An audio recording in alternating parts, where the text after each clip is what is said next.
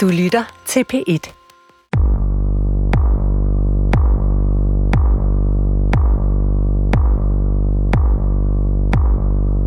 Velkommen til Ditlev og Dæmonerne. Mit navn er Christian Ditlev Jensen. Jeg er præst og forfatter, og gennem hele mit liv har jeg kæmpet med dæmoner.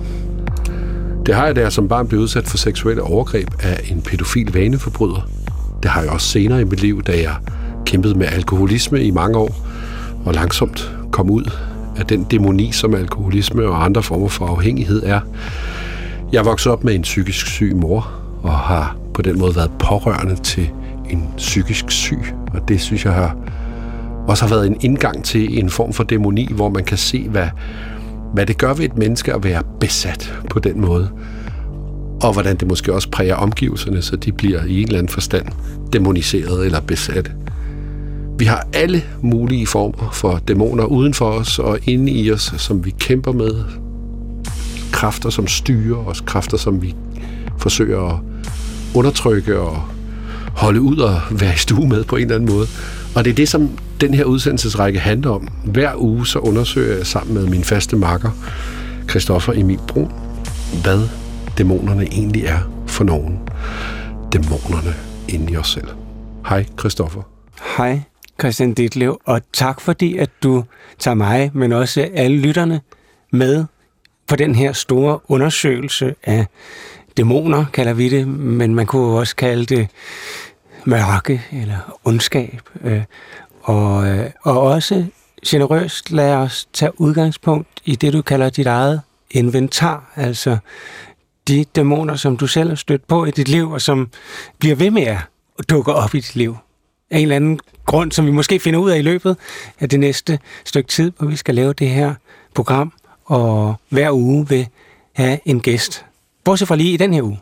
Der er det jo på en måde dig, der er gæst.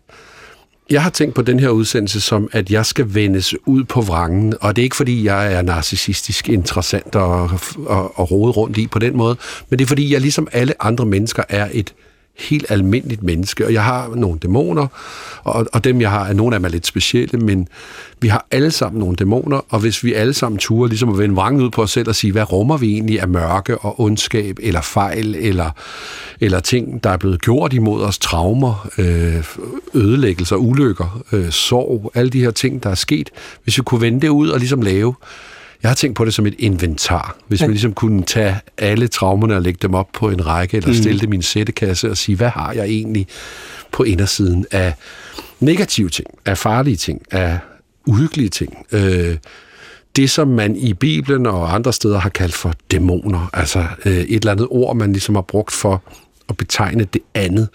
Øh, jeg tror, vi vil nå frem til i løbet af den her udsendelsesrække, at at man tit ser dæmoner som noget, der skal uddrives, noget, der skal udrenses, noget, der skal, øh, man skal være eksorcist på sig selv på en mm. eller anden mhm. måde. Det er jo faktisk det, meget terapi går ud på. Kan jeg ikke ja. slippe af med mit kropsbillede, eller med mit forhold til min forfærdelige moder, eller fader, eller hvad det nu er. Men? Øh, men vi prøver at leve med dem. Vi prøver at tage dem ud og kigge på dem, og være hos dem, og, og være i stue med dæmonerne, hvis man kan det.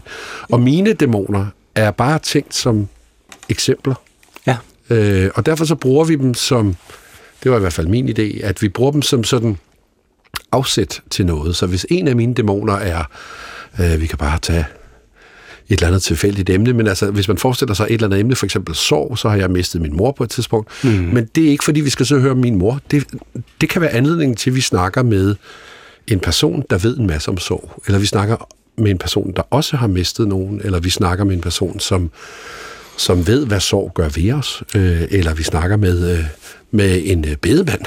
Ja. det kan være alle mulige indgange, som tager udgangspunkt i en dæmon, og så prøver vi at folde det ud så godt vi kan. Der er jo mange vinkler på, på, på hver enkelt dæmon. Så i stedet for uddrivelse af dæmoner, som finder sted i Bibelen, og som finder sted i psykiatrien og i, i hele vores øh, samfund i stor stil, så er det her nærmest en form for inddrivelse af dæmoner ja. og, og vi opholder os ved dæmonerne. Øh, og med dig som anker. Og så siger du godt nok, jeg jo, jamen, jeg er jo ikke noget specielt, og jeg er som alle andre, men altså, du har jo det specielle forhold til dæmoner, man vil, at du øh, har skrevet om nogle erfaringer i dit liv, som, som virkelig er mørke, og to meget markante bøger øh, af den, din debutbog, som hedder Det bliver sagt, øh, som handler om seksuel overgreb. Og så din, din seneste bog, som hedder Bar, som handler om alkoholisme, altså afhængighed, som jeg også kan se som en form for øh, dæmon, der er efter en.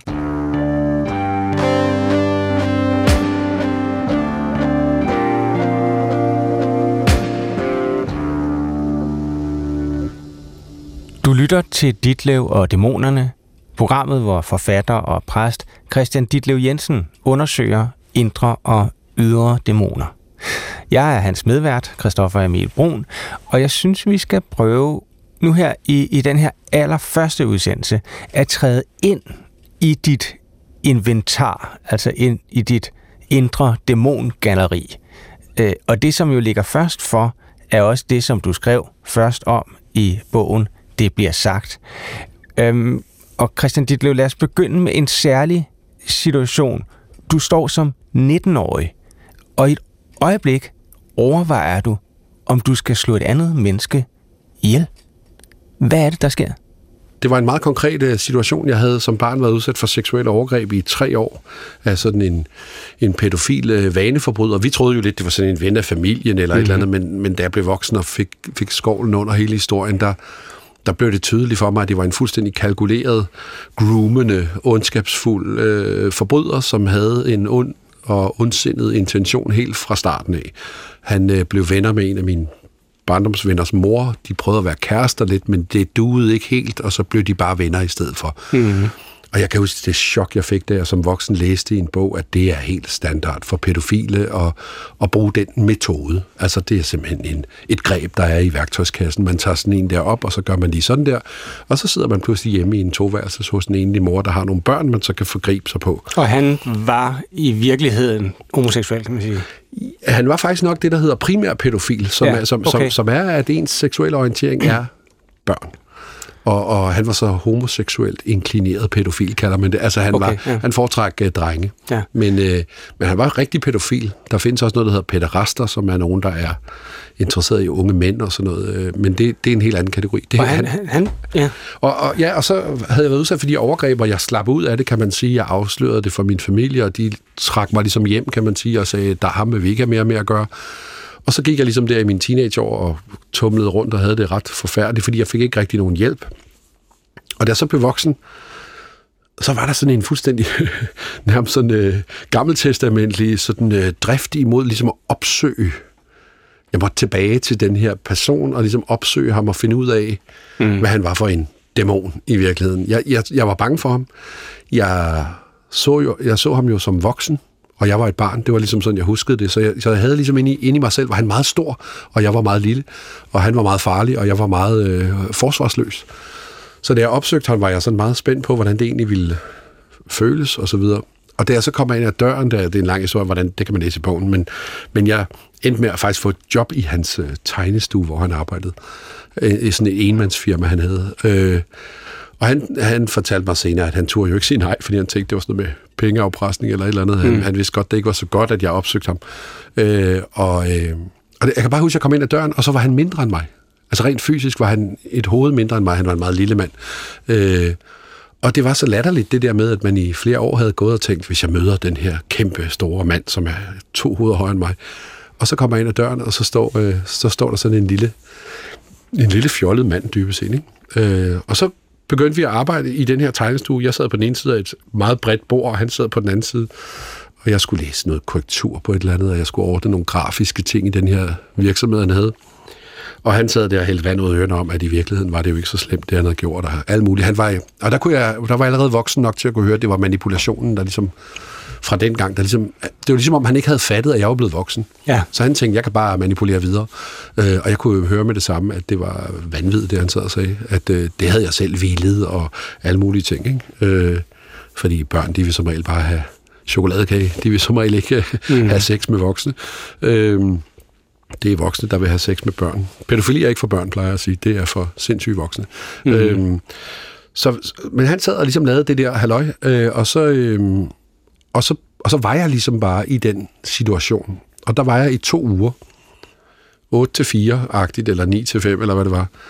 Og i de to uger, der blev det bare mere og mere sådan rådent at være der, og langsomt kom der bare alle de her traumer op til overfladen, og til sidst så, jeg kan huske det som sådan noget koncentriske cirkler, altså man har ligesom et, et punktum, et, et, et centrum, og så rundt om har man ligesom, når man smider en sten i vandet, så har man sådan nogle cirkler, der går ud derfra. Okay. Og efterhånden som dagene gik, så måtte jeg ligesom fysisk være længere og længere og længere væk fra ham, altså ligesom mm. 30 cm om dagen. Og, og til sidst så var jeg simpelthen sådan, at hvis han sad i den ene ende af lokalet, så gik jeg faktisk ned i den anden ende, fordi jeg var sådan helt, det var sådan helt, sådan en røden fornemmelse næsten. Øh, og på et tidspunkt, så blev det for meget. Og så, og så kan jeg huske, at jeg begyndte at tænke, det, det her, det, det går ikke. Altså, det er simpelthen for voldsomt. Mm. Øh, og enten, og jeg var stadig, jeg følte stadig sådan lidt små psykopatisk, eller sådan, som om jeg havde sådan en tillært psykopati, så havde jeg det sådan lidt, jeg vil blive i det her. Jeg vil blive i det her, og jeg vil undersøge, hvad det er for noget. Jeg vil ikke bare flygte. Jeg vil prøve at blive i det. Fordi jeg havde også den her grundsikkerhed af, at jeg kunne pande ham ind, hvis det var. Han var jo ikke så stor. Mm. Så hvis det var det, det handlede om, så kunne jeg jo stikke ham ind. Så, så jeg var ikke bange på den måde. Men, men, men, men alligevel var det meget ubehageligt. Og så på et tidspunkt, så fordi han arbejdede i sådan en grafisk virksomhed, så skulle han lime noget med en spraylim. Og fordi han var sådan en narcissistisk psykopat, som var sådan meget, meget sådan selvhøjtidlig og meget sådan overfølsom over for de mindste temperatursvingninger. Hvis maden ikke var helt korrekt, så fik han et, så et raserianfald, hvis smøret, hvis han mente, smøret havde en tone af noget harsk, så, så smed han det hele ud, og mm. han var sådan meget sådan... Meget dramatisk. Ja, og han skulle have særbehandling altid, fordi han var så speciel og fantastisk. Og derfor så, når han så skulle spraye med noget lim, som jo sikkert har været en lille bitte, bitte, bitte, bitte, bitte, bitte smule sundhedsskadelig, så skulle han åbne døren og stille sig op på en lille radiator, og så skulle han stå der og spraye ud, øh, så han for guds skyld ikke fik en lille partikel i sine sårbare lunger. Og der... Og der stod han og lænede sig op, og pludselig ser jeg, at der er sådan et gelænder. Og så tænker jeg bare, hvis jeg lige skubber hurtigt, så falder han ud. Og så lige da jeg tænkte så kiggede jeg på et bord, hvor vi lige havde spist, og han havde sådan en, sådan en lidt øh, bundsk romantik, fordi han havde været meget i Provence, så han havde sådan noget med oste og pølser, og man skulle sidde og skære med en eller anden kniv med naturhåndtag, og det skulle være så fint. Og så lå den her relativt store køkkenkniv, som han havde brugt til at skære pølse med, så tænker jeg, det er så plan nummer to, da jeg kan jage den her ind i, i ryggen på ham. Øh, så kan jeg jo prøve at se, om jeg kan ramme hjertet, og så dør han. Øh, og jeg havde de her ligesom to scenarier, jeg kan skubbe ham, og jeg kan... Mm. Og, så, og der kan jeg bare huske, der var sådan et eller andet i mig, som sagde, nu er det helt skørt. Altså, hvis du har overhovedet den idé, så skal du ligesom bakke, hvis man kan sige det sådan. Og ja. den aften ville skæbnen, at, øh, at jeg tror, det var faktisk samme aften, at han skulle tilbage til Provence, hvor hans familie havde et hus, og der skulle han så bo øh, på ferie eller et eller andet med sin, med sin kæreste. Øh, han havde fundet en kvinde, han var i gang med at manipulere rundt med. Okay. Øh, og, øh, og så var jeg alene bagefter sammen med, med et, et af de andre ofre i sagen, en barndomsven, jeg stadig kender. Og der satte vi os ned og sagde, hvis vi ikke myrder ham, altså vi har nogle muligheder, vi skal have det her ud af verden på en, og vi skal gøre op med den her dæmon. Hvordan gør vi det? Og en af tingene, det var, at vi kan slå ham ihjel. Og det snakkede vi om som mm. sådan en, en mulighed. Skal vi lave en plan, og hvordan gør vi det? Og det gik vi meget hurtigt væk fra, fordi vi faktisk meget banalt var enige om, at det var kriminelt. Og det må man jo ikke, så det skal vi ikke. Hvad kan vi ellers gøre? Ja, så kan vi jo ødelægge hele hans... Vi kan brænde hans hus ned til grund, men han boede i en lejlighed, og hvad med de andre, der boede i opgang? Det var lidt synd for dem. Og sådan var det, vi kan rasere hans lejlighed. Jeg havde en eller anden grund fået nøglerne til den. Mm. Øh, og, og, vi kan ødelægge hans karriere. Vi, kan, vi prøvede sådan... Vi havde forskellige tanker. Og vi endte med noget af det... Jeg er så glad for det, vi endte med, men det er også det mest kedelige i hele verden. Vi endte med at sige, han har begået en forbrydelse mod os. Vi skal melde ham til politiet. Og så henvendte vi os til politiet, og så kom der en retssag, og så var forløbet, som det nu var. Ja. Øhm, Udover en, en retssag, så blev det jo også indledning til dit forfatterskab. Ja. Altså, og, øhm, det har vel også måske været en form for proces øh, for dig, tænker jeg? Ja, altså det, det var en uh, pussy ting, fordi apropos dæmoner, så havde jeg den historie som sådan en dæmonisk historie, der blev ved med at forfølge mig. Jeg kan huske, at jeg var blevet journalist på Berlingske Tidende, sådan en freelancer, der sad og hamrede øh, tekster afsted, og jeg skulle faktisk, jeg skulle virkelig producere meget for at få det til at hænge sammen, fordi jeg ikke havde fået et rigtigt job. Jeg var bare sådan et stykke betalt. Det hedder det i branchen, man får mm. penge per artikel. Og jeg skulle faktisk lave, hvad der svarede til en avisside, en gammeldags stor avisside, ligesom politikken er nu, om dagen af tekst, altså med en stor illustration, og så 4-5 af fire sider. Det skulle laves hver dag. Øh, og, og det var altså to eller tre anmeldelser, og øh, noter, og interviews og alt muligt, hver evig eneste dag. Så jeg var meget sådan skrivende. Ja. Og da jeg så hver gang jeg så kom hjem fra arbejde, så tænkte jeg, nu vil jeg prøve at skrive. Der havde jeg gået på forfatterskolen og skulle være forfatter, og jeg tænkte, nu vil jeg skrive min første bog, og den skal være... Og så startede jeg med et eller andet helt skørt. Det skal være en science fiction roman, den foregår på en anden planet, og det skal være sådan og sådan. Og så på side 3, så var der en eller anden dreng, der blev udsat for seksuel overgreb. Ja. Og, og, og det var ligegyldigt, om det foregik i et munkekloster, eller om det foregik øh, øh, der, hvor jeg voksede op i Holbæk, eller hvor det var. Ligegyldigt hvad, så var der pædofili på alle siderne. Og så til sidst, så tænkte jeg, den, det tænkte jeg ikke med de ord, men det var det, der foregik. Jeg tænkte, den her dæmon må jeg simpelthen have slået ihjel. Altså, jeg må simpelthen have den her skygge til at gå væk. Og Ja. det gør man jo ved at kaste lys på den. Ikke? Så jeg tænkte, nu skriver jeg den historie, og så skal jeg ikke høre mere om det. Og det er jo så det. Altså, det er jo, jeg er jo, der er jo stadig folk, der henvender sig til mig og siger, jeg har læst din bog. Ja, og, og den, så, er, den er genudgivet for nylig, og nu sidder ja. Vi og taler om den. Ja, og så siger jeg jo altid, hvad for en af de, hvad er det, 17 bøger, du, du mener, ikke? Altså, og så er det jo faktisk altid den, folk mener, ikke? Men du har også beskrevet det som et grundtraume i dit liv, og det er jo ikke så mærkeligt. Nu beskrev du lidt af indledningsforløbet, mm. øh, men vi skal måske lige understrege, at du var 9 år, ikke? Jo, 9 til jeg var 13. Ja. 9 til 13, mm. så det er, altså, det er jo også forklaringen på, hvorfor han virker så stor Ja, ja, ja, ja. i, i din optik, fordi ja. At du øh, har set ham øh, med barnets øjne, men altså, kunne du prøve at ligesom sætte, sætte nogle scener på, eller tage os med tilbage til den 9-årige? Din ja, Ja, bog altså- er skrevet med barnets Ja, øh, ja. blik, kan man sige. Ja, det er den. Øh, Jeg har skrevet den som en ungdomsbog også, hvor jeg ligesom har omskrevet den til en ungdomsbog, og der skete noget meget interessant, som var, at der var en redaktør på Gyldendal, der sagde, at en ungdomsroman er jo, øh, er jo skrevet nutid, fordi unge mennesker, børn, vil gerne have nutid, mm. og så er der ikke så meget refleksion. Og så tænker jeg, det kan vi sagtens, så skrev jeg den om til det. Men det viste sig jo at blive den mest uhyggelige bog i hele verden, for det blev en thriller, mm. som handlede om pædofili as it happens, altså hvor det ligesom blev udfoldet, imens det sker. Så han vender sig om, han lægger hånden på mit lår. Ja, altså ja, hvor ja. den anden var sådan en, han vendte sig om, at han lagde hånden på mit lår, og jeg nåede lige at tænke, at Ja, bla bla. Så var det fuldstændig barberet for det der. Så den, den oprindelige bog er faktisk lidt blidere.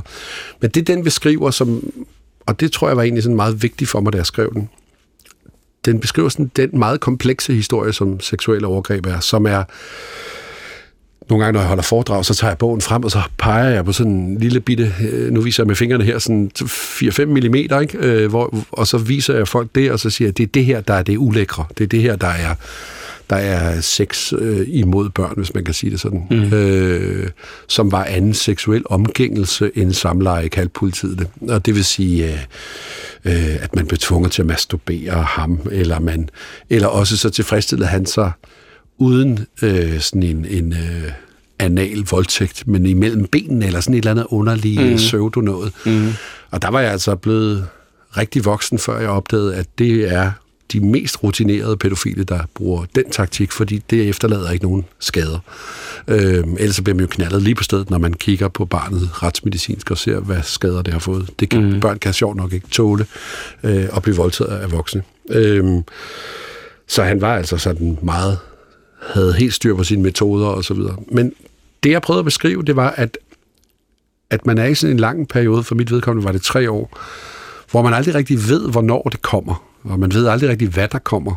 Og det er jo det, som er så utrolig skadeligt, at man lever sådan en alarmberedskab i tre år, og, og ved, at man kan i og for sig blive voldtaget når som helst. Øh, og samtidig så er man sammen med en voksen, og når man er barn, så er voksne jo nogle, nogle ressourcepersoner, nogen man har brug for, mm-hmm. nogen der passer på en, og som nærer en med mad, for helt konkret, eller med emotionel næring, altså omsorg, trøst osv. Øhm, og, og, og der er det altså en meget forplumret tilstand at være i, at, at den, der skal passe på en, er den, der gør en fortræd. Øhm, og så samtidig så er man i, i det her tilfælde, fordi det var en, en, en decideret psykopat, der var tale om, udsat for sådan en meget, meget systematisk øhm, manipulation, som er ekstremt øh, modbydelig at, at være udsat for, fordi at en stor del af det er jo det, der man i vores dage er meget mere bekendt med, noget, der hedder gaslighting, at man hele tiden betvivler, eller får den person, det går ud over, til at betvivle sine egne følelser. Mm. Altså for eksempel, her, nu gør jeg noget ved dig, og så siger den anden person, det ved jeg egentlig ikke, om jeg kan lide. Jo, det kan du godt lide. Det føles godt.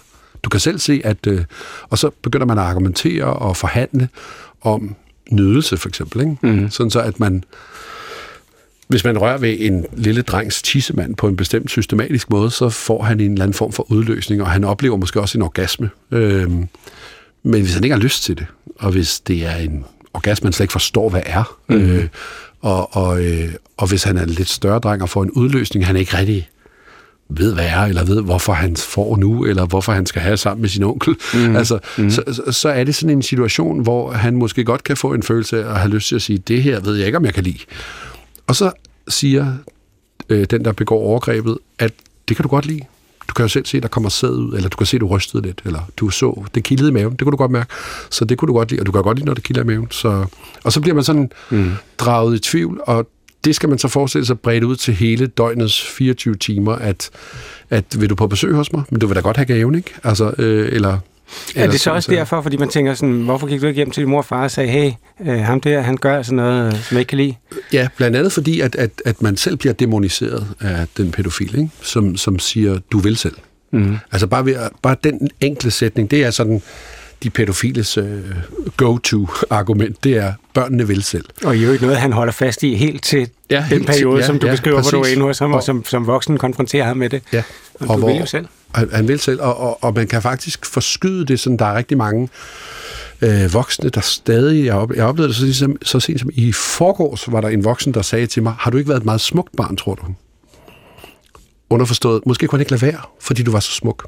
Mm. Og jeg har set billeder af mig selv som barn. Jeg ser egentlig meget sød ud, men det gør mine egne børn også. Altså, det gør alle børn. Øh, så jeg var ikke specielt smuk, og jeg var heller ikke specielt begavet. Jeg var heller ikke specielt øh, fortryllende på nogen måde. Øh, jeg var sådan øh, meget almindelig, tror jeg, en sød dreng. Men den pædofile, de, øh, de bruger jo det som argument, at de kan ikke lade være. Det er klart for 9-årig, 10-årig barn, der indtræder der, som jeg hører dig, en form for skamfuldhed. Og der er jo det mærkelige, næsten dæmoniske ved skam, at det tit kommer til at ligge på offeret, selvom at skammen jo burde ligge på øh, overgrebsmanden. Ja. Og der har jeg været på en eller anden måde heldig, at jeg meget tidligt, jeg tror faktisk allerede som barn, registrerede jeg overgrebene som overgreb. Mm. Så jeg var egentlig udsat for overgreb i tre år. Altså, det, jeg var ikke som så mange andre udsat for noget, jeg slet ikke forstod, og som jeg synes egentlig var hyggeligt nok, og bagefter synes jeg, det var overgreb eller sådan noget. Jeg husker det som overgreb, og jeg husker det fra nærmest day one som overgreb. Og det har den enormt store fordel, at... Øh, at, at, at skam ligesom ikke har virket på den måde på mig. Altså det andet var mere noget med, at, at det lå i luften, at jeg ville blive sendt på børnehjem, hvis jeg sagde noget til, jeg ville ligesom blive stillet for en anden børnedomstol. Det fik jeg at vide af ham, at, at mine okay, forældre ja. ville jo ikke slå hånden af mig, og sådan noget, hvis de opdagede, hvad jeg var for et modbydeligt barn. Og så, så, så, så konkret altså, trussel? Ja, konkrete trusler, og også sådan noget med, øh, jeg begyndte også på et tidspunkt at insinuere, at jeg var homoseksuel, og der var forskellige ting. Der sådan, og det var jo der, hvor jeg kom fra. Ikke noget, man var frivilligt. Det var et skældsord at være bøsse. Ikke? Så, så, hvad hedder det? Så, så det kom til at virke faktisk til allersidst i relationen modsat. At da han sagde ordet bøsse, der vidste jeg, det er jeg safthus med ikke. Øh, så, så, øh, for det er jo et skældsord. Øh, så der udvandrede jeg nærmest ligesom fra situationen og tog hjem og sagde, der er noget helt galt her. Men det er jo øh. også en, kan man sige, vende sig væk fra øh, et, et seksuelt område. Altså, ja. Ja, og senere fandt jeg ud af, at det var meget mere komplekst end det, fordi jeg havde faktisk fået noget, der hedder en rystet seksual identitet, som er, at, at man bliver gjort usikker på sin seksualitet. Ja. Jeg har sådan en usædvanlig kedsommelig heteroseksuel, straight uh, seksualitet, som er uh, påfaldende ukinky og almindelig. Uh, og hvad hedder det... Uh, og, og, og, og den blev simpelthen gjort til... Altså, den blev simpelthen draget i tvivl. Det er igen det der gaslighting. Er du mm. lidt homoseksuel? Jeg synes også, du har sideskilling. Øh, eller du går med en ring. Altså, man, hvor man ligesom siger... Og når man er barn, så æder man jo alle de der ting råt. Nå ja, det er måske også rigtigt, og jeg ved sørme snart ikke rigtigt, og det er da selvfølgelig også rigtig godt kan lide at sidde på skødet af en voksen, som hun ikke er homoseksuel. Altså du ved, det, det er jo noget, det er det rene vrøvl, men man, men man bliver manipuleret rundt i managen. Det lyder, eller det er tydeligt, at du, det er noget, du virkelig har beskæftiget dig med og har reflekteret over, sådan, men har, har det haft nogle sådan konsekvenser, har du haft, altså i forhold til din seksualitet? Og... Ja, altså det havde den konsekvens, da jeg var ung, at... Øh, jeg kan huske, at jeg havde en kæreste, hvor vi lå, og vi havde lige været seng med hinanden, så lå vi, lå vi og snakkede sammen om, om alt det her. En, øh, for mange, mange år siden. Jeg tror, det er måske kan jeg vide, om ikke det er 20 år siden, 25 år siden næsten. Og så lå vi og snakkede om det, og, så, og, så, og der begyndte jeg for første gang at få sådan en følelse af, at det vi lige havde oplevet, som var et eller andet øh, vellykket seksuelt samkvem, der var dejligt og rart, det skulle jeg egentlig have oplevet 15 år før, eller sådan noget lignende, ikke? Mm. 10, 10 år før i hvert fald. Øh, og det havde jeg ikke haft mulighed for at opleve før der. Og der kom vi til at snakke om, jeg er egentlig blevet sådan forsinket. Ja. Altså, jeg er egentlig blevet 10-15 år forsinket. Øh, og det tror jeg er en af de store konsekvenser, at jeg, da jeg var helt ung, for det første havde jeg en seksuel debut, da jeg var meget, meget ung. Jeg var 12 eller 13, tror jeg. Øh, og når folk siger, hvornår havde du din seksuelle debut, så siger jeg, ja, yeah, that depends, 9. Eller, mm, men mm. altså min egen frivillige ja. seksuelle debut, den var da jeg var cirka 13. Og, og der kom det jo, og det, og, og det var ligesom indledningen til sådan en lang, meget promiskuøs, rodet periode, hvor jeg lige så godt kunne gå i seng med en ældre dame på 45, da jeg var 15, mm.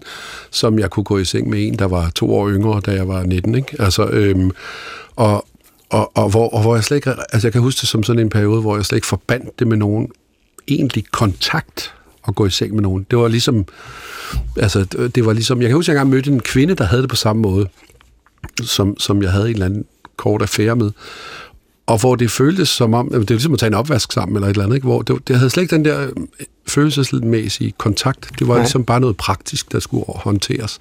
Øhm, og det er jo fordi, man er blevet prostitueret, kan man sige. Man er blevet gjort til, til sexlegetøj. Ikke? Så når man selv agerer, så agerer man egentlig på den samme måde, som sådan en, som sådan en, øh, en form for genstand, mm. der, der bare skal tilfredsstille nogle andre. Jeg havde, jeg havde også i mange år sådan en forestilling om, at hvis ikke jeg tilfredsstillede øh, kvinder, så ville de ikke kunne lide mig. Mm. Og, det, og det er jo det, som egentlig driver unge kvinder, der er incestoffer til at blive prostitueret, at de egentlig får en eller anden vis balance, der går op.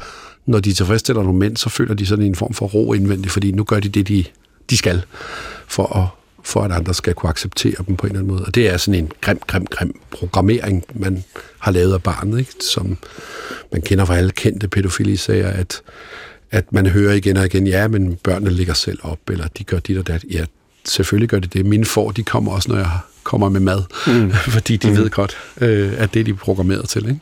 Der er altså virkelig, altså, det eksempel, du nævner der med, den, øh, med, med hvad der kan drive folk ind i prostitution af, af gamle traumer af seksuel overgrebskarakter. Ja. Øh, tale om sådan en dæmon, der overvintre eller vandre videre og antager nye skikkelser, kan man næsten sige, med dæmoniens øh, sådan, øh, billede, ja, billedsprog. Kan, altså, det, det, det, jeg, jeg, tror, jeg tror egentlig aldrig, jeg har formuleret det før, men det kan vi jo gøre nu. Altså, den pædofile kommer ind og manipulerer sig vej frem. Det er den måde, de kan komme ind til barnet på. Det er den måde, de kan få barnet overtalt til, til at deltage i seksuelle ting. Det er den måde, de kan få barnet væk fra dets forældre på. De bruger alle de her psykopatiske manipulative greb, som de anvender. Og når de så bliver afsløret, eller når de selv trækker sig ud af relationen, så står man egentlig tilbage og er gennemmanipuleret. Mm så står man tilbage med helt de samme adfærdsmønstre, som man har har lært. I mit tilfælde var det jo tre år. Det er en gymnasieuddannelse eller en bachelorgrad. Det er lang tid, hvor man bliver præget på ugentlig basis af en eller anden person, der kører en rundt i managen. Og når man så pludselig trækker sig ud, så står man der med sit eksamensbevis, havde jeg sagt, og har ligesom øh, gradueret som, som, som, som manipuleret væsen. Og det kører jo så egentlig videre, så når man, når man så går ud i verden derfra, mm. så, så er man jo helt rundt forvirret, og, og, øh, og ved så snart ikke, hvad man skal gøre. Eller, og så er man jo også offer for andre menneskers øh, fortsatte manipulation. Altså, der, der er nogle kvinder, det er jo et stort tabu, tror jeg, men der er nogle kvinder, der tager sig nogle, der udnytter nogle situationer, hvis de kan se, at der er nogle unge mænd, der er meget øh, ivrige efter et eller andet. Ikke? Altså, øh, det er som du selv har været øh, ja, en gang. Ja, og det er der også nogle mænd, der gør selvfølgelig. Ikke?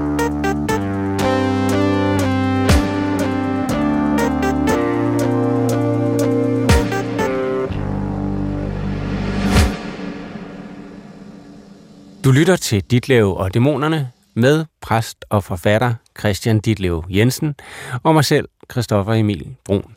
I den her programrække undersøger vi to sammen de indre og ydre dæmoner, der kan komme til at styre os mennesker. Vi er begge to værter, Christian Ditlev og jeg, men i dag er det primært mig, der interviewer dig, Christian Ditlev, fordi øh, i det her første afsnit fokuserer vi på din personlige historie om at stå ansigt til ansigt med indre dæmoner, som den du mødte, da du blev udsat for et, øh, et seksuelt misbrug som barn, og altså også den alkoholisme, der senere kommer til at præge dit liv. Det er begge to emner, som du har skrevet om. Øh, misbruget skrev du om i din debutbog, det blev sagt. Og alkoholismen har du skrevet om i øh, din seneste bog, Bar hedder den.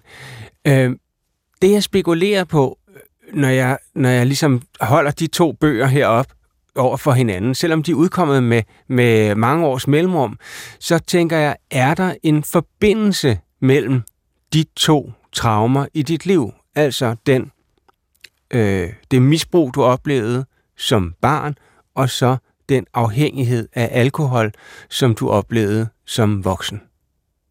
Er der en forbindelse mellem de to ting? Altså for det første er der sådan en meget kendt sammenhæng mellem, mellem overgreb i barndommen og så misbrug som voksen. Ja. Det er meget, meget kendt. Altså i den sag, jeg var involveret i, hvor jeg jo også som barn troede, jeg ligesom var den eneste en. Det var også hvor rand og hop. Øh, den pædofile havde mange, mange ofre sideløbende med hinanden. En eller anden kalender med alle mulige navne i, og aftaler og dates alle steder med de her stakkels børn. Øh, men af dem, jeg har kendskab til, vi kan bare tage de tre, mig og to andre, øh, der er der tre ud af tre er der tre misbrugere. En narkoman og, og to alkoholikere. Øh, så det er altså sådan meget mm. kendt. Og hvis man går til AA-møder, som jeg har gjort på et tidspunkt, der jeg prøvede at holde op med at drikke, der, hvad hedder det, øh, der er det noget, man må jo ikke citere fra AA-møder sådan direkte, men det er jo noget, der går igen i, i mange, mange mm. Mm. at man i forskellige variationer har været udsat for overgreb i barndommen. Det kan også bare være vold i gåsøjne bare, for det kan virkelig være slemt og at være udsat for AA, kan vi lige indskyde. Det er anonyme, det, alkoholikere, det er sådan en, den, den klassiske sådan måde at holde op med at drikke på, det er at begynde at gå til sådan nogle møder, hvor man, hvor man har mulighed for at møde andre, der også drikker, kan man sige, ja. har et alkoholproblem. Når vi taler om for eksempel afhængighed af alkohol som en dæmoni, så foreslår det jo at det er noget, der kommer udefra. Altså, mm. det, mhm. vi kender billedet med en dæmon, der sætter sig på skulderen, og frækker dig og, og frister dig. Og sådan er det jo også i hele bibelsproget. Satan frister øh, Jesus Jørgen, og så videre, så videre. Så videre. Øh, er, eller har du oplevet dit alkoholmisbrug som øh, noget, der kom udefra, som blev påført? For eksempel at det her barndomstraume, eller eller er det også noget, som, som det, er jo, det er jo også dig som person, som Christian Ditlev, der har stået op om morgenen siger, skal jeg tage en drink, eller skal jeg ikke tage en drink? Altså, hvor, altså, jeg synes, det er meget svært, det hele. Ja. Jeg synes, det er meget, meget svært at få hold på, og jeg tror aldrig, jeg rigtig får hold på det, fordi jeg tror faktisk måske, det er sådan lidt dobbelt. Jeg tror måske, det er både og. Mm. Altså, jeg tror måske både... Jeg kan huske en gang, da jeg var på San Cataldo, som er sådan et kloster for kunstnere og videnskabsmænd, hvor man kan trække sig tilbage og så skrive i Italien. Der sad jeg og skrev på, på en bog, der hed Livret, og der øh, gik jeg tur på et tidspunkt med en genforsker, og så sagde han, at hvis man, er, hvis man er, ligesom, har en tilbøjelighed af en eller anden slags, så skal man se på det. Han, det var en fantastisk beskrivelse, han sagde. Der er, hvis man har en genetisk tilbøjelighed, så, sagde han, så skal man se på det som tre skulpturer. En, der er lavet af stål, en, der er lavet af rågummi, og en, der er lavet af krystalglas. Og så tager man en hammer og slår på skulpturen en byste, eller sådan et eller andet af en mm. selv, kan man forestille sig. Og så slår man på den af stål, og den får jo dårligt nok en risse. Øh, den har ingen genetisk tilbøjelighed til at gå i stykker. Så er der en af rågummi, som man slår på, og den får en stor bule, men den går ikke i stykker. Den har en vis tilbøjelighed. Der er en vis genetisk belastning, kan man sige. Mm. Og den sidste, den er så meget, meget genetisk belastet for at gå i stykker, og man rammer den dårligt nok med hammeren, før den pulveriseres fuldstændig. Og det er, der det er sådan en af teorierne om alkoholisme, at man simpelthen har en genetisk tilbøjelighed, at man kan have arvet det fra sin familie. Øh, og jeg har en morbror, som var alkoholiker. Han holdt op med at drikke øh, på et tidspunkt, og har ikke drukket noget siden i mange, mange, 40 år eller sådan et eller andet. Øh, og så havde jeg en farbror også, der havde sådan noget derhen af. og, og hvis man ser på det sådan på et træ, så er det min mors side og min fars side. Og hvis, det kan da godt være, at, øh, at vi er blevet belastet. Min bror havde også et alkoholproblem. Så. Mm. Genetisk disponeret. Øh... Det er ligesom den ene mulighed, at man siger, jamen uanset hvad der sker i, i ens liv, så, hvad hedder det, øh, så vil det blive udløst, hvis man er krystalmodellen. Ikke? Men genforskeren han sagde til mig, der er også den mulighed, at hammeren ikke rammer. Og det har jeg engang talt med en gammel psykiater, som hed Jes Gerlach om, og han sagde, at øh, jeg skulle lave et radio udsendelse med ham i Radio 24 og så sagde jeg til ham, mens vi ligesom stod og fik en cola og varmede lidt op, så, så siger jeg, hvad det, det er noget mærkeligt noget med psykisk sygdom og sådan noget. Og så kiggede han på mig og så sagde han, ja, jeg har jo min egen teori om det. Så han, jeg, jeg tænker altid, at psykisk sygdom er stress. Det er udløst af påvirkninger. Men hvordan det så bliver udløst, og hvad der kommer ud af det, og hvordan det viser sig, det, det kommer jo an på ens dispositioner. Mm. Men hvis man ikke bliver udsat for en belastning, så er der egentlig ikke noget, der tilsiger, at man bliver psykisk syg. Altså det kræver ligesom, at der bliver trykket på en knap, eller der bliver, man bliver påvirket. Og der kan man jo sige, at hvis man har et gen for alkoholisme for eksempel, og man så bliver udsat for det stress, der og, og, og blive udsat for seksuel overgreb, eller vold i barndommen, eller en utrolig fattig, ulykkelig barndom, eller skilsmissebørn, eller alle mulige andre former for stress, så vil alle de dispositioner, man har for både skizofreni og depression og alt muligt andet, og, og det vil faktisk øh, vise sig øh, som en eller anden form for reaktion. Og det er jo sådan den ene ja. teori. Og den anden teori, det er, at man følelsesregulerer, tror jeg, man vil sige i dag. Altså, at et barn, som er udsat for seksuel overgreb, bliver så stresset, at det har det dårligt, og det skal så have den der dog, følelse af dårlighed til at gå væk. Selvmedicinering. Så det er en form for selvmedicinering, ikke? Mm. at man dulmer, at man... Og det bliver tit gjort til sådan noget vulgært, primitivt noget, men egentlig er det ret... Er det, altså egentlig er det en meget fornuftig adfærd i den forstand, at, øh, at, man, at, man, øhm, at man jo finder ro på den måde. Mm. Altså det, jeg, jeg, jeg kan huske, at jeg holdt op med at drikke, der, blev, der satte jeg mig sådan meget teoretisk ind i alkoholisme og forskellige måder at drikke på og ting, ting og sager. Og en af måderne, man kan drikke på, det er, at man sådan drømmer sig væk. Øh, mm. Og det er der mange... Øh, altså, og det er en, det er en måde ligesom at, at følelsesregulere på, at man får styr på sine følelser ved at drikke. Øh, alkoholismen har jo så iboende en form for dæmoni ved, ved det, at den er øh, afhængighedsskabende. Altså, ja, og, så, og så, hvor, hvor, hvor mange genstande endte, endte du på, før det så også blev... Ja, jeg, jeg, jeg drak ikke i fire år, da jeg var ung, og så begyndte jeg ligesom igen, og der satte det fra. Altså, der, mm. der, jeg, jeg har samtidig sagt, at jeg fik fat i struben på en, men det er jo fordi, man føler det som sådan en modstander på den der måde, som en rigtig dæmon, som et eller andet, der kommer ind i ens liv, man ikke kan styre. Mm. Øhm, og jeg flyttede, jeg endte med at, at flytte til øh, London øh, og bo i en kort periode, lige inden jeg holdt op med at drikke. Et års tid boede jeg i London. Øhm, og jeg ærger mig stadig lidt over, den, det er den smukkeste titel på en roman, som, som, som jeg aldrig har skrevet. Som, der findes et fænomen, som hedder den geografiske flugt. Og det er, når alkoholikeren flytter sig geografisk for at slippe ud af sit misbrug. Mm. Altså man siger, nu flytter jeg til byen, eller nu flytter jeg på landet, eller jeg flytter til Korsør eller til London fordi, eller jeg bliver skilt, eller jeg, jeg gør et eller andet dramatisk, typisk sådan geografisk, jeg simpelthen flytter til Slagelse, for der drikker man nok mindre i Slagelse, så der, og nu får jeg også chancen for at starte på en frisk. Mm. Og det var egentlig det, jeg gjorde, da jeg flyttede til London. Nu skulle jeg prøve at frigøre mig fra nogle miljøer og sådan noget, og så skulle jeg ligesom starte på en frisk, og være en anden, kan man sige. Jeg ville forvandle mig selv. Og da jeg så kom derover, så var jeg jo isoleret.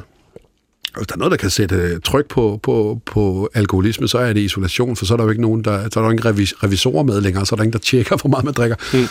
Og da det kørte på sit højeste, der var min hoved, min hovedformål hver dag, det var at gå i Sainsbury's på den anden side af gaden og købe ind. Og der, og der kan jeg tydeligt huske min indkøbskur, hvor det startede med at sætte en flaske gin ned. Ikke? Mm. Det var det vigtigste at få købt. Og så købte jeg bagefter en flaske tonic altså en flaske af hver, og så var blandingsforholdet, så har man blandingsforholdet der rimelig kontant. Det var sådan 50-50. Ja. De første var nok lidt skarpere, og så de sidste var lidt tyndere. Men, øhm, og så øh, fyldte jeg op med øl og vin og ting og sager, sådan så jeg ikke nåede en, en anden form for mur, man kan nå, når man drikker, hvor man ikke har nok. Altså man bliver, man bliver panisk angst for at løbe tør. Mm.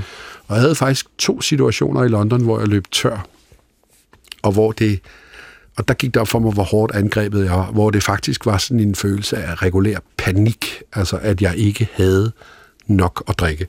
Øhm, og på det tidspunkt, der var det sådan halvanden flaske gin om dagen, plus det løse. Øh, og det vil sige, det er jo sådan 30 genstande eller sådan noget, ikke, om mm. dagen. Altså, det, var, det, det er svært at så snakke om, fordi det virker sådan helt surrealistisk, men det er jo fordi, man drikker jo slet ikke genstande, man drikker jo sådan nogle 4-5 dobbelte nogen af gangen, ikke, og sidder og ser en eller anden dårlig tv-serie, ja, og så ja. bare venter på, at man bliver fuld dybest set. Og har bygget en stor øh, Ja, så har man en stor tolerance. tolerance øh, ja. Der sker det, at man bliver mindre og mindre fuld, øh, og, og mindre og mindre påvirket, og så drikker man bare, indtil man egentlig falder søvn, besvimer. Øh, men man når ikke at få den der ros. Og det er det, alkoholikere tit taler om. Ja, den bedste beskrivelse af det, jeg har hørt, det var en, der havde været gift med en alkoholiker, og den alkoholiker sagde, da hun spurgte ham, hvor, hvad er det, du prøver at opnå, når du drikker? Og så sagde han, jeg drikker indtil det siger klik. Okay. Og det er helt abstrakt, men, det, men alle, alle, der har prøvet det, ved nøjagtigt, hvad han mener. Mm. Det er en anden form for punkt, man skal hen til, og så kan man Slap af. slappe af eller forsvinde, Ja. Besvime. Til sidst så blev det altså for meget, at du indledte et øh, afvendingsforløb, som, som du var inde på Ja. tidligere gennem øh, Jeg opsøgte simpelthen selv en behandler og sagde, at jeg, jeg, jeg skal simpelthen have hjælp ja. til at komme ud af det her, og nu skal jeg bare ligesom... Og min motivation, det er den bedste motivation, der findes, både når man skal holde op med at ryge og drikke og leve i et voldeligt forhold og alle mulige andre ting, det er, at man bliver bange. Mm. Jeg blev bange. Jeg blev simpelthen bange for at dø. Øh, og jeg er jo blevet præst sidenhen, og jeg kan se, det er, min, det er min, simpelthen min pastorale erfaring, at den frygt var fuldstændig velbegrundet. Hvis man drikker som et hul i jorden, når man er 40, så er man med ret stor sandsynlighed død, når man er 50. Og nu er jeg snart 53, og det er jeg ikke sikker på, at jeg havde været, hvis, øh, hvis jeg var fortsat.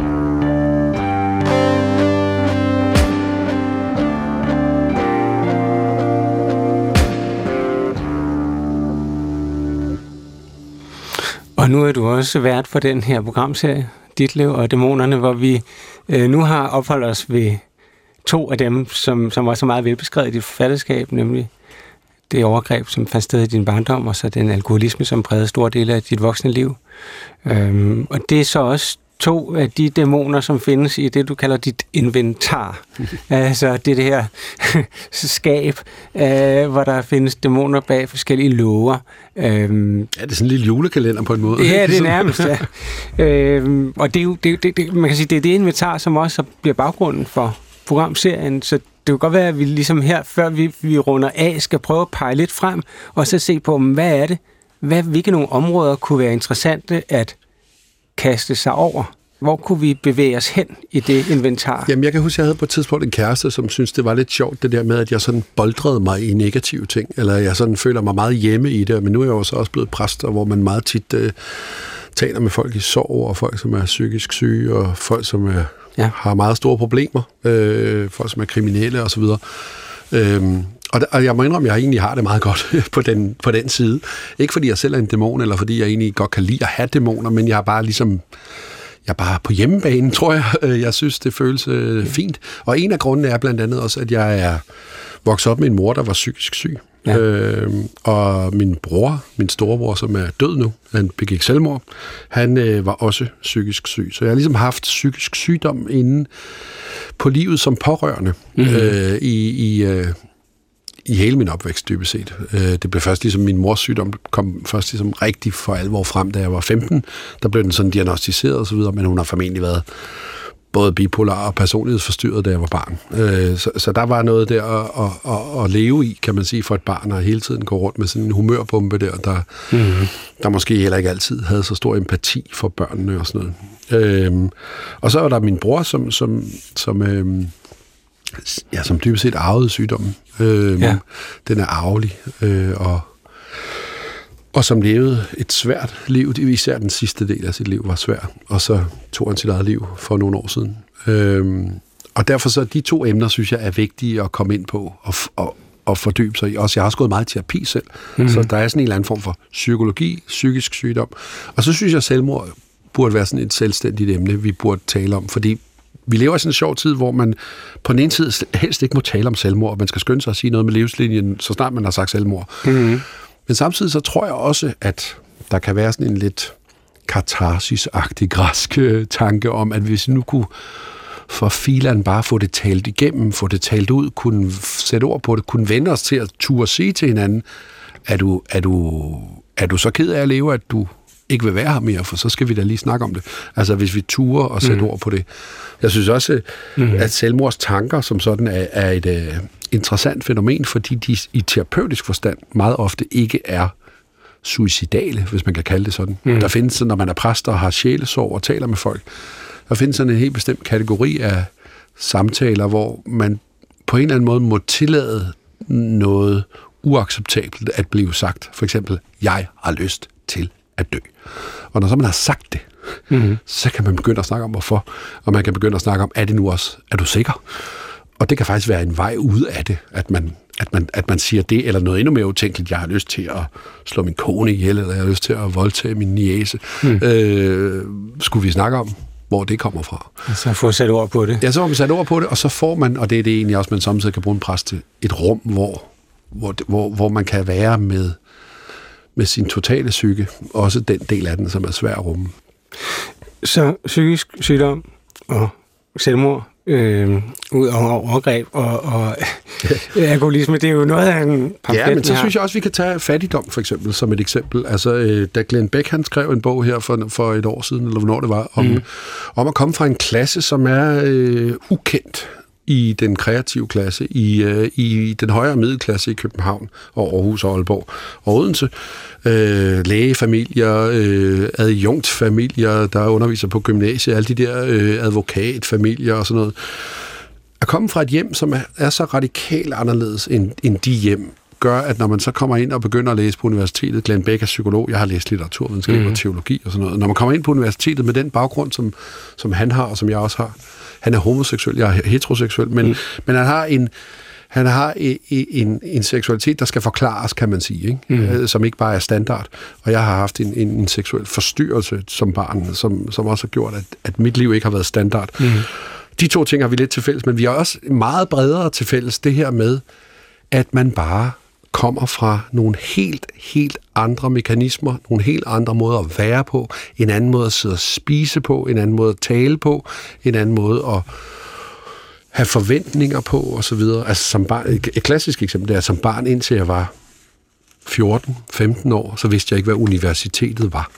Jeg vidste ikke, det eksisterede i virkeligheden, for at sige det sådan. Jeg vidste bare, at der samtidig kom dumpende nogle mennesker ned fra oven, som var læger mm-hmm. og advokater, men jeg vidste ikke rigtig, hvad de, hvordan de blev det. Jeg ved ikke, hvor, hvor man skulle gå i lære for at blive advokat.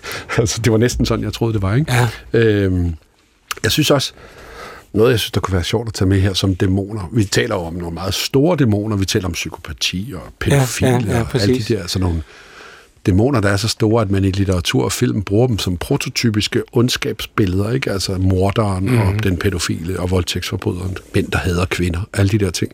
Men jeg synes også, de små dæmoner er interessante. Altså, jeg har meget af mit liv været tyk, øh, og været ked af at være tyk, og prøvet at tabe mig, og været i tvivl, om jeg var seksuelt attraktiv, når jeg var tyk, og så videre. Så er der kommet en modbevægelse, som er sådan en sådan en tykfobisk, øh, eller antitykfobisk ja, ja. kropsaktivisme, som jeg strengt taget synes er lige så latterlig. Øh, og, og hvorfor synes jeg egentlig det? Og, og det er jo meget interessant at, ligesom, at, at, at se på hele det her med, hvad er det for en kroppe, vi overhovedet må have, og, hvor, og hvorfor, hvorfor skal de overhovedet være til offentlig debat? Ja. Øh, hvorfor skal der være idealer, og hvorfor skal der være dit og datter? Men, og har det også noget med dæmoni at gøre? Ja, fordi det kan for de mennesker. Altså, jeg kan huske, da min mor døde, hun var kun 54, da hun døde, men jeg kan huske, da hun døde, så kort tid efter hun var død, så, så prøvede jeg at undgå at spise et stykke kage, fordi jeg ville ikke være tyk. Mm. Og jeg var allerede tyk, men jeg ville gerne være tyndere. Og så kom jeg bare til at tænke på, skal jeg, skal jeg virkelig bruge hele mit liv på det? Altså, min mor blev 54, og fra hun var et eller andet teenager, og til hun døde, der gik der ikke en dag, jeg tror faktisk ikke, der gik en time, uden at hun var ked af sin krop, og var trist over den, og prøvede at tabe sig, og prøvede at spise anderledes, og prøvede at spise noget, der var vanddrivende, og prøvede at spise noget, der var mindre okay, fedt, og mindre ja, ja. kulhydrater, og mindre, hun vidste jo nærmest mere om de der ting, end en almindelig læge til sidst. Øh, og lige meget hjalp det, fordi måske var det bare genetisk. Måske var hun bare, som en psykolog sagde til mig engang, du skal bare træde frem i al din magt og vælge, se et billede af Christian den 4.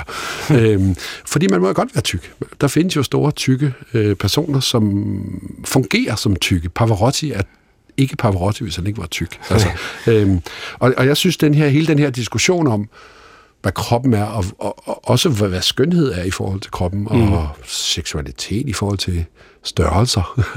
det er jo også godt at være petit samtidig, eller mm. det er godt at være enormt tyk. Det er en, det er en pornokategori, er jeg sikker på, at nogen kan fortælle mig om, øhm, hvis jeg ikke kender til det selv.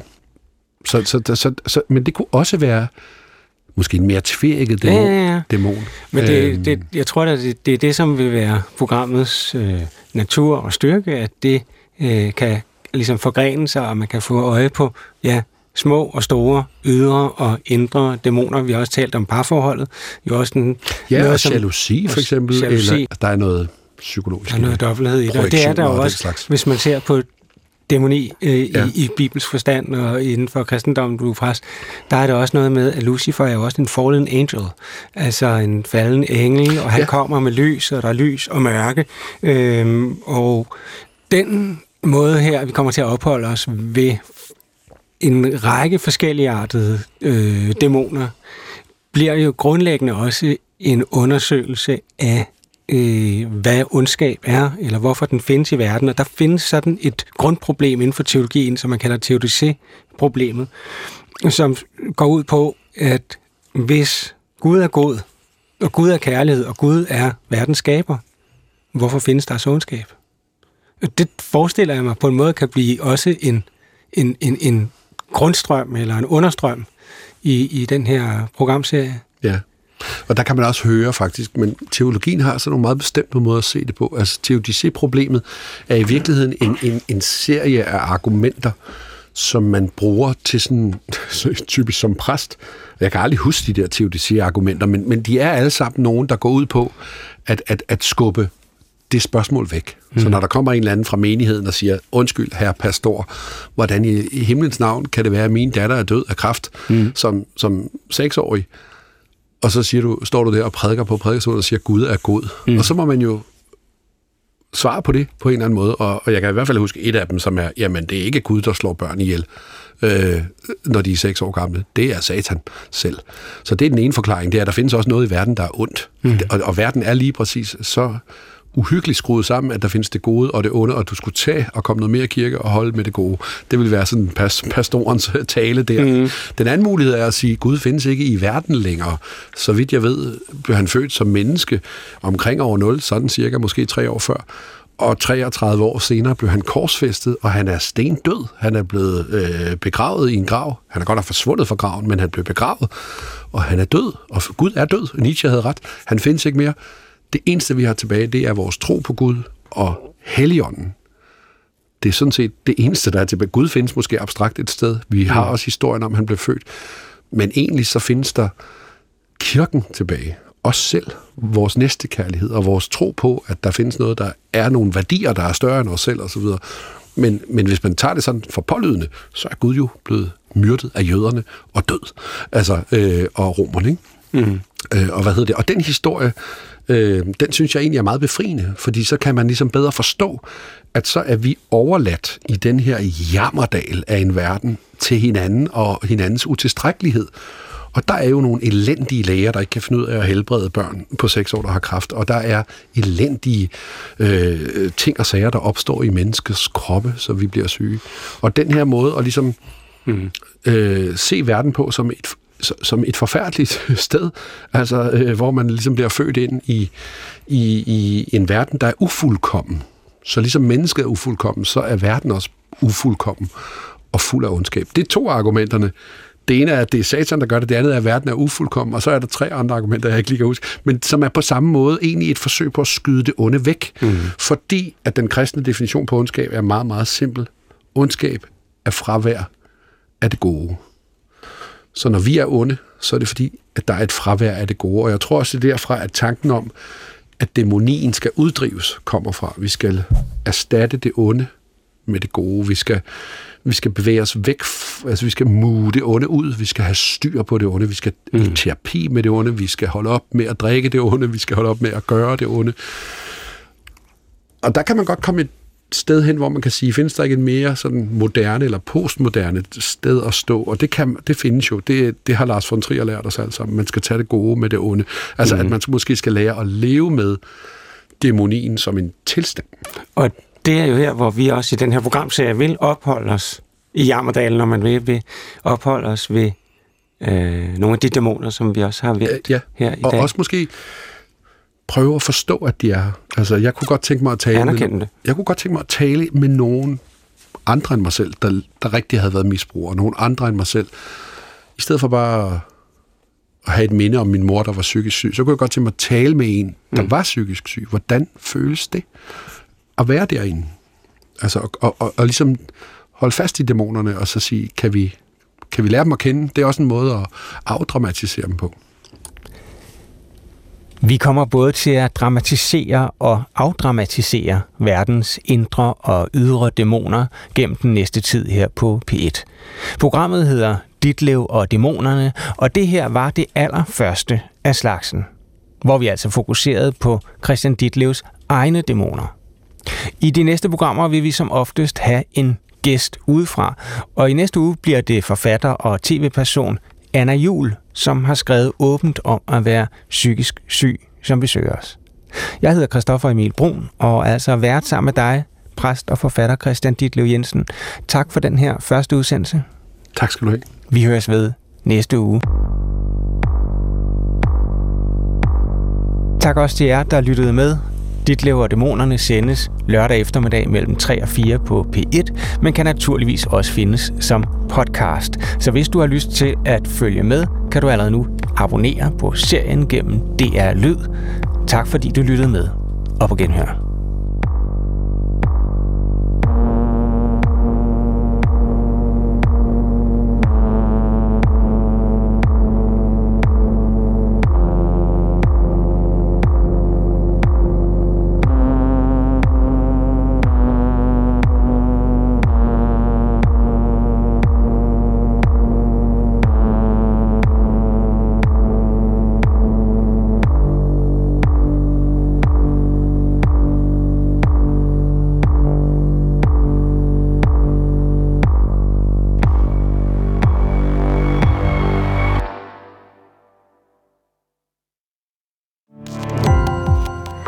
På opdagelse i alle DR's podcast og radioprogrammer. I appen DR Lyd.